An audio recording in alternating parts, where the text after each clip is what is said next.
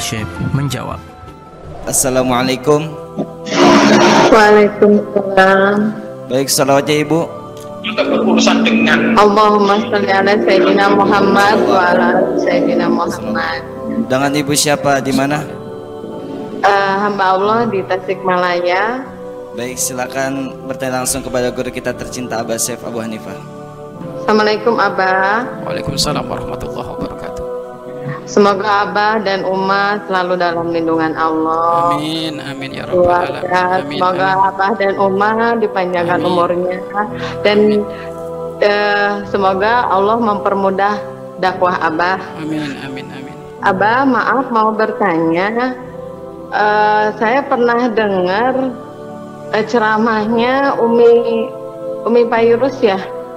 Eh, itu waktu eh, di Mekah itu di Arafah itu ada yang eh, membangun istri raja, membangun eh, air jadi saluran air dari Mekah ke eh, apa ke Arafah dan pelan setelah sebentar. mendengar pelan pelan pelan pelan ya iya. jelas. Iya, saya lupa lagi namanya istri rajanya siapa. Cuman eh, semenjak dia meninggal, ada satu ulama yang memimpikan beliau bahwa beliau sudah di tempat yang enak, bunda ya. Maksudnya bu- eh, maaf abah di tempat yang surga gitu. Eh, sebentar sebentar ulama- sebentar sebentar. Ini gimana di Masjidil Haram Enggak, di Arafah. eh, Arafah, apa, ini sih, Arafah. eh, Di Arafah. pertanyaan mah, eh, abah pertanyaan mah cuman eh, enggak enggak terlalu panjang. Cuma saya mau tanya. betul Eh, terus s- jadi gini, istrinya eh, apa raja yang mensodakohkan aliran air dari Mekah ke Arafah Oh, itu, Masya Allah, baik-baik ya. Mensodakokan, ya. istri dari orang yang mensodakokan ya itu air ke Arafah. Baik, baik. Ya. Terus? itu eh, meninggal dunia. Iya, betul. dan eh, ulama itu memimpikan bahwa is- istri raja itu eh, sudah ada di surga Masya Allah. gitu Baik, baik, Ya. baik. Hmm. Eh, yang saya pertanyakan dan ulama itu menanya, menanya apa mempertanyakan apa amalan kamu kamu bisa eh, di surga gitu. Ternyata apakah sodakohnya kamu mengalirkan eh, air dari Mekah ke Arafah? Oh bukan. Eh, saya dimuliakan oleh Allah karena eh, amalan saya yang Karena amalan saya apa? istiqomah Karena Eh, amalan. saya dimuliakan ya karena amalan yang saya istiqomahkan bahwa Oh. kalau suara ajan Mm-mm. dia diam dan tidak beraktivitas. Saya suatu saat pernah eh, pernah eh, kehausan dalam perjalanan dan saya benar-benar kehausan di sampai di rumah saya mau minum dan eh, azan itu terdengar meskipun saya haus saya nggak beraktivitas. Tahan. gitu, Baik, baik, baik. Masya Allah. Ya, maksud saya eh, apakah eh, azan itu yang harus? Ini kebetulan di Tasik ini azannya lama-lama, eh, abang. Baik, baik. Ya, jadi Allahu Akbar itu lama panjang gitu. Seperti apa azan seperti apa yang harus kita ikutin eh, dengan ha- apa namanya ya aturan Menjawabi, menjawabi. gitu. Ya, Baik, itu baik. aja. Insya Allah, insya Allah. Mohon. Ya, Allah, makasih, semoga makasih. Abah dan santri Amin, amin. uh, Al-Bahja Buyut uh, selalu dalam lindungan Allah, selalu Amin, sehat. ya Alamin. Amin, amin, amin. Atur nuhun, Abah, umat nuhun. Assalamualaikum. Assalamualaikum warahmatullahi wabarakatuh. Baik. Ada orang yang infak air yang mengalir ke Arafah. Beliau adalah orang yang seorang dermawan sehingga memberikan kemudahan air bisa ngalir ke Arafah. Arafah tempat orang wukuf ada di sana, ternyata istrinya meninggal. Kemudian ada ulama memimpikan bahwasanya beliau adalah ahli sur surga. Ternyata ditanya sebab masuk surganya bukan karena air yang dialirkan ke Arafah tersebut, tetapi sebab masuk surganya karena dia selalu menghormat panggilan Allah, yakni a adzan. Panggilan Allah yakni a adzan. Intinya gini. La tahkiruna syai'a anil ma'rufi ay rahmatillah.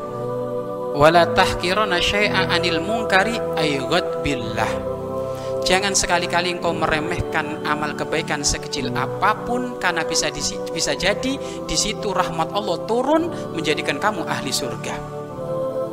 Dan juga kamu jangan meremehkan amal kejelekan sekecil apa pun bisa jadi di situ Allah marah murka akhirnya kamu jadi ahli neraka. Dan memang adabnya kita, tata krama kita kalau mendengar adan itu tidak boleh kita melakukan aktivitas apa pun kecuali kita sambut kalimat adan tersebut sesuai yang sudah diajarkan. Allahu Akbar Allahu Akbar. Ya kita sambut. Allahu Akbar Allahu Akbar. Ya seperti itu. Bahkan para sahabat para sahabat itu karena saking menghormatnya adan suara panggilan Allah. Kalau sahabat itu lagi nyangkul gini lagi nyangkul ngangkat cangkulnya gini kok ada suara adan Allahu Akbar Allahu Akbar. Itu sahabat tetap cangkulnya di atas. Nggak mau dikebawain. Kenapa? Kalau di saat dia nyangkul ke bawah lagi adan takut beliau mengutamakan dunia dunia. Akhirnya cangkul tetap di atas. Ini kelasnya para sahabat ini. Kalau kita kan cuek angger main PS sama gamenya. Nah ini Hati-hati itu para sahabat gak seperti itu. Lagi nyangkul ini lagi nyangkul lagi ngangkat ini kok ada adzan? Allahu Akbar. Diem di atas nyangkul. Sampai kapan? Sampai selesai adzan. Menunjukkan beliau takdim menghormat. Ya siapa yang mengagungkan syiar Allah akan diagungkan oleh Allah. Karena itu tanda hatinya bertak bertakwa. Wa mayu adim Allah fa innaha min kulub adzan itu syiar kebesaran Om Allah yang mengagungkan adzan yang mengagungkan iqamah itu tandanya hatinya bertakwa kepada Allah Subhanahu wa taala bisa jadi karena amalan itu Allah memberikan pengampunan kepada itu orang sehingga orang tersebut menjadi ahli surga. Ya, mungkin sekali karena adzan ini syiar. Syiar Islam yang terbesar ini juga adalah adzan. Bahkan puncaknya Dajjal dan Ya'jud Ma'jud itu akan keluar kalau sudah tidak lagi ada orang yang berah, beradan. Tapi adan ada ilmunya. Jadi jelas, mungkin sekali masuk surga karena sebab penghormatan kepada syiar Allah adan tadi. Mungkin seka, sekali karena para sahabat banyak yang melakukan seperti itu. Begitu menghormat kalau sudah ada adan. Ya, Intinya adalah ini ibroh bagi kita, hendaknya kita mengikuti. Artinya apa? Ayo lakukan amal kebaikan sekecil apa pun dengan ikhlas tulus, insya Allah itu menjadi sebab kita menjadi ahli surga Allah. Kemudian adabnya adan. Nih tolong.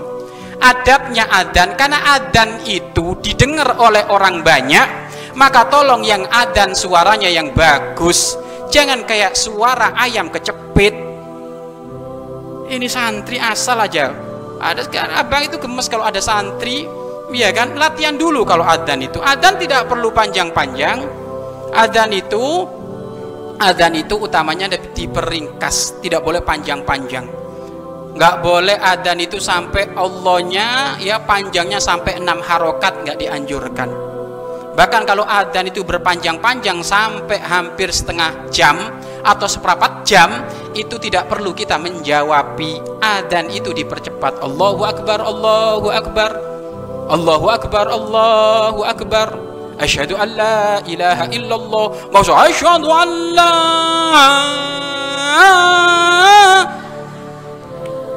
apa ini? Gak ada. Itu masih ada santri kayak gitu itu. Ya? Yang diringkes diringkes. Karena apa ngajarin orang biar menyimak dan sekiranya menyimak ini juga nggak ngabisin waktu terlalu banyak. Coba ayo. Sekarang abah lagi ngajar. Ngajar cuma 45 menit. Terkena adzan adzannya seperempat jam ayo. Bengong gitu. Kan eman. Makanya adzan dipersingkat. Dan tolong suaranya yang bagus. Ya digosok-gosok tuh lehernya itu diputar-putar gitu. Dulu Jangan asal pegang mic aja. Iya kan? Kenapa itu syiarnya Om Allah? Sahabat Bilal itu. Kalau adan bagaimana? Kalau sahabat Bilal adan langsung melek semuanya gini. Ini santri adan tambah tidur. Mana suaranya? Jadi kalau suaranya nggak bagus nggak usah adan, ya nggak usah adan nanti. Suaranya yang bagus, adannya nanti saja kalau ada orang meninggal adan. Ya. Jadi karena itu syiar ya syiar. Jadi tukang muadzin itu muadzin suaranya yang bagus kayak sahabat bi Bilal. Itu suaranya bagus. Namun tidak dianjurkan adzan itu diperpanjangkan tidak dianjurkan. Kalau adzan sampai panjang sekali maka kita tidak dianjurkan untuk menjawabi. Langsung aja aktivitas biasa. Ya. Kemudian adzan di recording perlu kita jawab enggak? Kalau adzan recording nggak perlu ya kan di televisi itu kan tinggal muter aja gitu nggak perlu yang perlu yang kita jawabi adalah adzan secara lang langsung. Jadi ibu yang bertanya, insya Allah barokahnya karena menghormat adan, akhirnya dia mendapatkan pengampunan dari Allah sehingga dia menjadi ahli sur surga. Kemudian adabnya adan, hendaknya yang beradan tidak boleh memperpanjangkan adannya dan juga tidak boleh bagi tukang muadzin adan itu telat. Tukang muadzin kalau adannya telat itu asi maksiat dosa bagi dia. Kenapa? Ditunggu orang. Bayangkan waktu nunggu berbuka harusnya jam 6 sudah adan dia setengah 7 apa nggak bikin ribut? Ayo. Jangan. Makanya tukang muadzin ini harus tepat waktu. Kalau adannya nggak tepat waktu dosa ya mudah-mudahan kita semuanya bisa menghormat syiar-syiar Allah terkhususnya urusan adzan dan iko ikomah wallahu a'lam bisawab